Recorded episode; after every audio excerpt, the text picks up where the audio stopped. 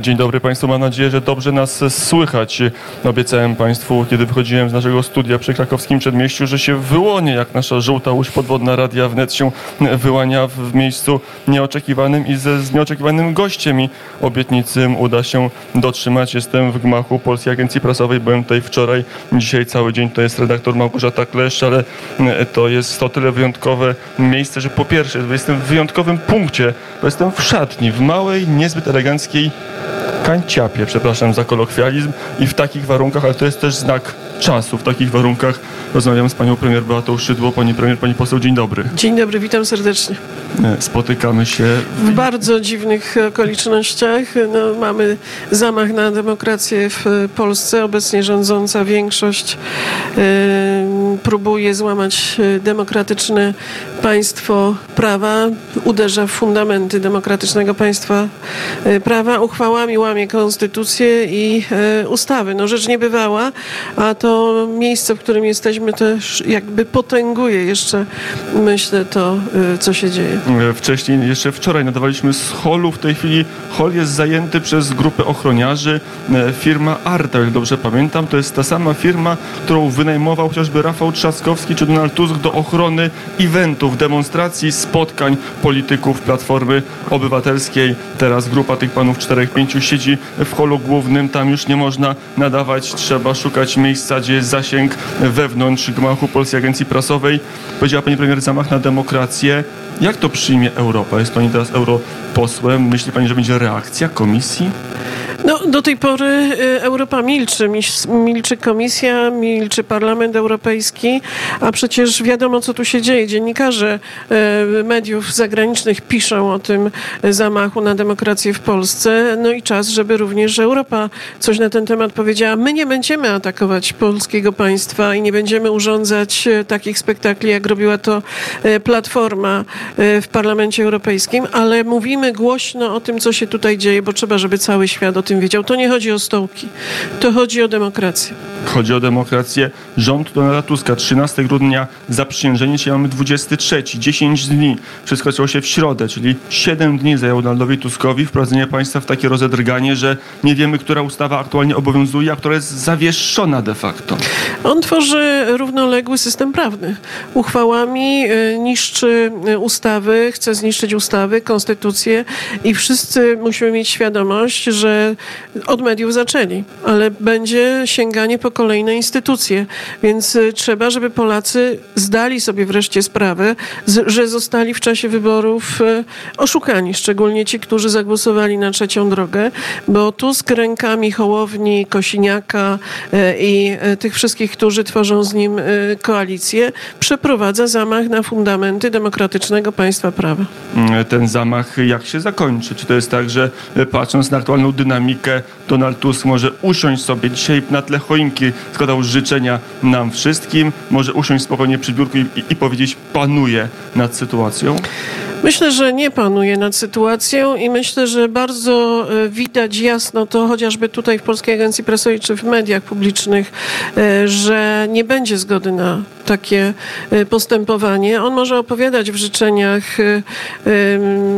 świątecznych, które umieścił w mediach społecznościowych, że buduje wspólnotę. On nie buduje wspólnoty i myślę, że trzeba wreszcie to dojrzeć. Musimy wszyscy zacząć bronić mediów publicznych, musimy bronić polskiego państwa. Dlatego tak ważne jest zaangażowanie obywateli, społeczeństwa, informowanie instytucji, y, y, co może się wydarzyć, bo tak jak powiedziałam, dzisiaj nie, nie rzecz idzie o to, kto jest prezesem. To nie o te stołki chodzi. Im chodzi o to, żeby przejąć i zniszczyć y, to, co zostało w tej chwili legło u podstaw demokratycznego państwa prawa. Byli tacy politycy, którzy mówili, my jesteśmy bezpiecznikami. Na przykład Kośniak-Kamysz, PSL mówili, nasza silna pozycja w rządzie to pewność, że będziemy trzymać w ryzach Donalda Tuska. To jest naiwne myślenie. Kośniak-Kamysz okazał się po prostu naiwnym politykiem. On miał szansę współrządzić z Prawem i Sprawiedliwością. Miał szansę być nawet być może e, premierem. Nie chciał tego. Wolał pójść na układ e, z Tuskiem. E, no i myślę, że w tej chwili możemy powiedzieć o nim tak, że jest naiwnym i pożytecznym wykonawcą tego, co planuje Tusk. Mnie to nie zaskakuje, bo przecież to Kosiniak-Kamysz, a nie kto inny wykonywał takie chociażby polecenia Tuska jak podnoszenie wieku emerytalnego. Pani premier, e, naszym gościem Beata Szydło była premier, e, poseł do Europarlamentu. Zastanawiam się, na ile wy macie już taką wiedzę o nastrojach społecznych, na ile można powiedzieć, że, że społeczeństwo zaakceptowało albo nie zaakceptowało tej formy przyjmowania mediów publicznych? Ja myślę, że wielu ludzi dopiero w tej chwili zaczyna um, widzieć, co się wydarzyło 15 października i kogo dopuścili do władzy. I oni są zadziwieni, są, myślę, czują się oszukani, ale pamiętajmy, że nie wolno nam pozwolić na to, żeby ludzie się do tego przyzwyczaili i zaakceptowali. Trzeba głośno mówić o tym, co się dzieje w tej chwili w Polsce. Trzeba to pokazywać i tutaj naprawdę jest ogromna rola y, wolnych mediów, dziennikarzy, którzy są w tych wszystkich miejscach, y, gdzie w tej chwili jest próba zamachu właśnie na y, demokratyczne państwo prawa. Pani poseł, pani premier, no, skorzystam z tego, że rozmawiam przepraszam, z nieszeregowym posłem, ale z bardzo ważnym politykiem prawa i, spra i sprawiedliwości. Poza takich prostych pytań, co dalej, jak dalej, e, pytania gruntowne i takie formacyjne. Znaczy, czy z tych wydarzeń wypłynie nowy impuls dla prawa i sprawiedliwości? Na ile to wpłynie na wasz program, wasze szeregi, waszą propozycję dla Polaków, która będzie pewnie pokazana w styczniu? Naszą rolą jest w tej chwili bronić polskiego państwa, polskiej państwowości, polskich obywateli, e, wolności słowa w Polsce, demokracji w Polsce i to realizujemy. I ja myślę, że to jest taki też e, ten moment, w którym trzeba rzeczywiście budować wspólnotę w Polsce.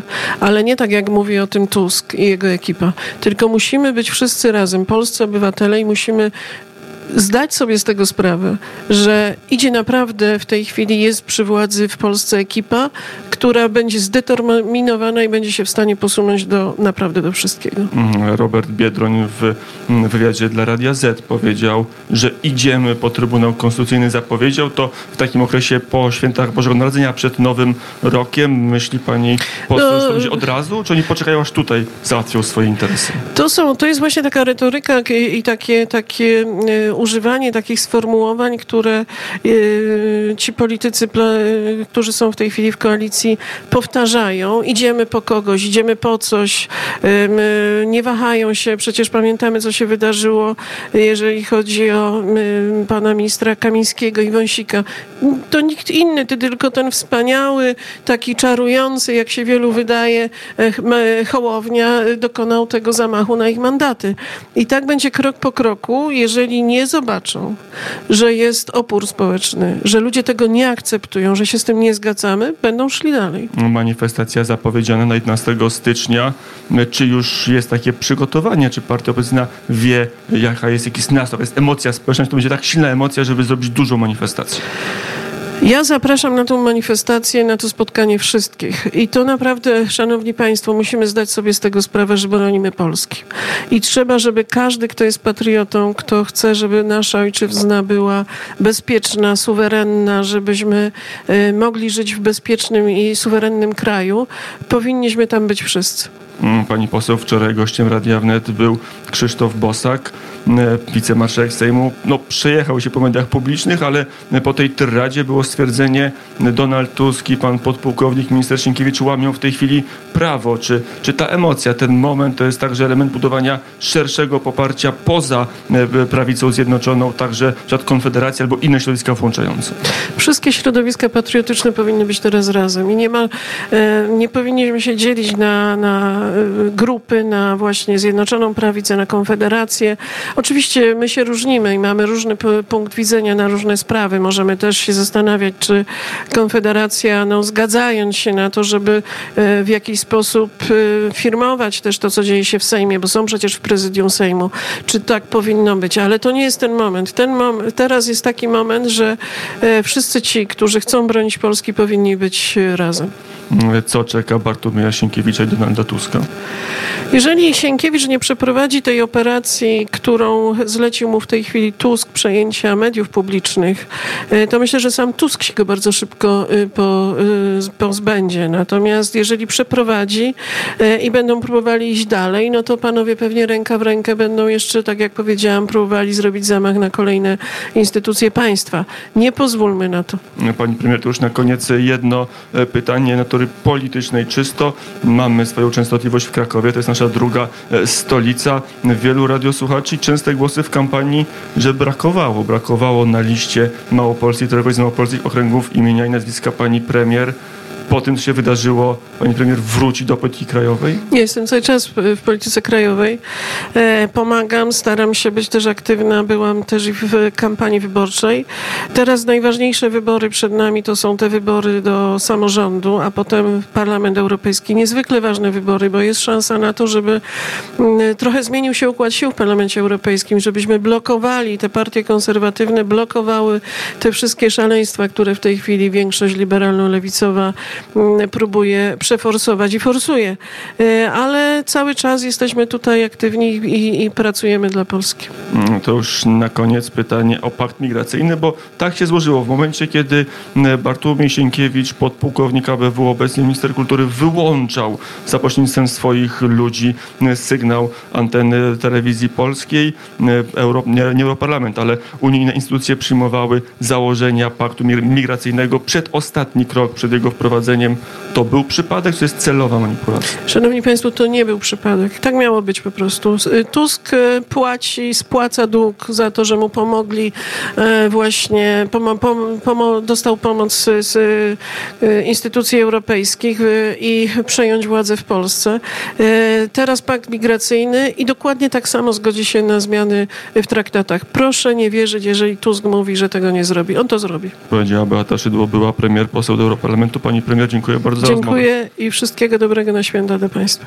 Dziękujemy najmocniej w imieniu radiosłuchaczy. W tak niezwykłych okolicznościach będą zdjęcia na portalu Wnet FM, w jakich warunkach przyszło nam e, tą rozmowę odbywać, a i tak ona się odbyła tylko i wyłącznie dzięki wsparciu naszych patronów patronite.pl ukośnik Radio Wnet. To cieszy, jest też budujące dla mnie, ale też duże zobowiązanie, że jest Państwa tak wielu, bo to jest i szansa, ale i odpowiedzialność. Mam nadzieję, że jej nie zawiedziemy. Dziękuję Państwu bardzo